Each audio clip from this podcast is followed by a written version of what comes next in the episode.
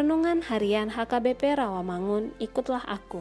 Senin 28 Februari 2022 dengan tema Hidup yang selalu diperbaharui oleh Tuhan. Bacaan kita pagi hari ini diambil dari kitab Yoel pasal kedua ayat 12 sampai dengan ayat 19. Bacaan kita malam hari ini diambil dari Injil Markus pasal 10 ayat 17 sampai dengan ayat 20. Dan kebenaran firman Tuhan yang menjadi renungan kita hari ini tertulis dalam kitab Yesaya pasal 65 ayat 17 yang berbunyi Sebab sesungguhnya aku menciptakan langit yang baru dan bumi yang baru. Hal-hal yang dahulu tidak akan diingat lagi dan tidak akan timbul lagi dalam hati.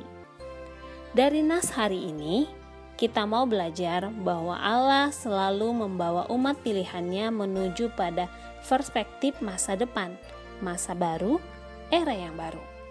Kuasa Allah yang transenden itu tidak membiarkan umat pilihannya terjerumus dalam penjara kekinian yang membelenggu kehidupan mereka, sehingga mereka tidak mampu menatap ke depan.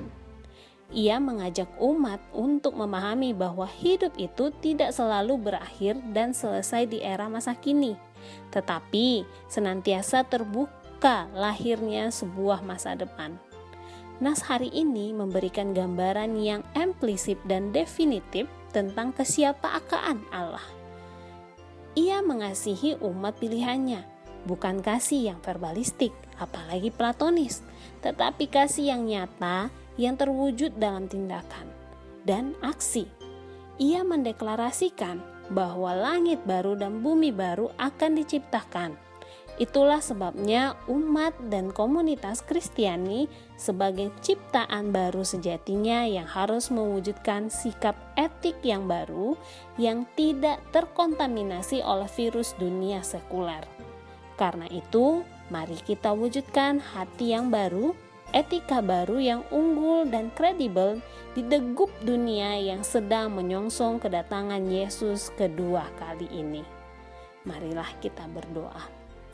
Ya Allah, Engkaulah Allah pemurah yang senantiasa mengasihi kami, umatmu, dan tidak lepas dari penyertaanmu.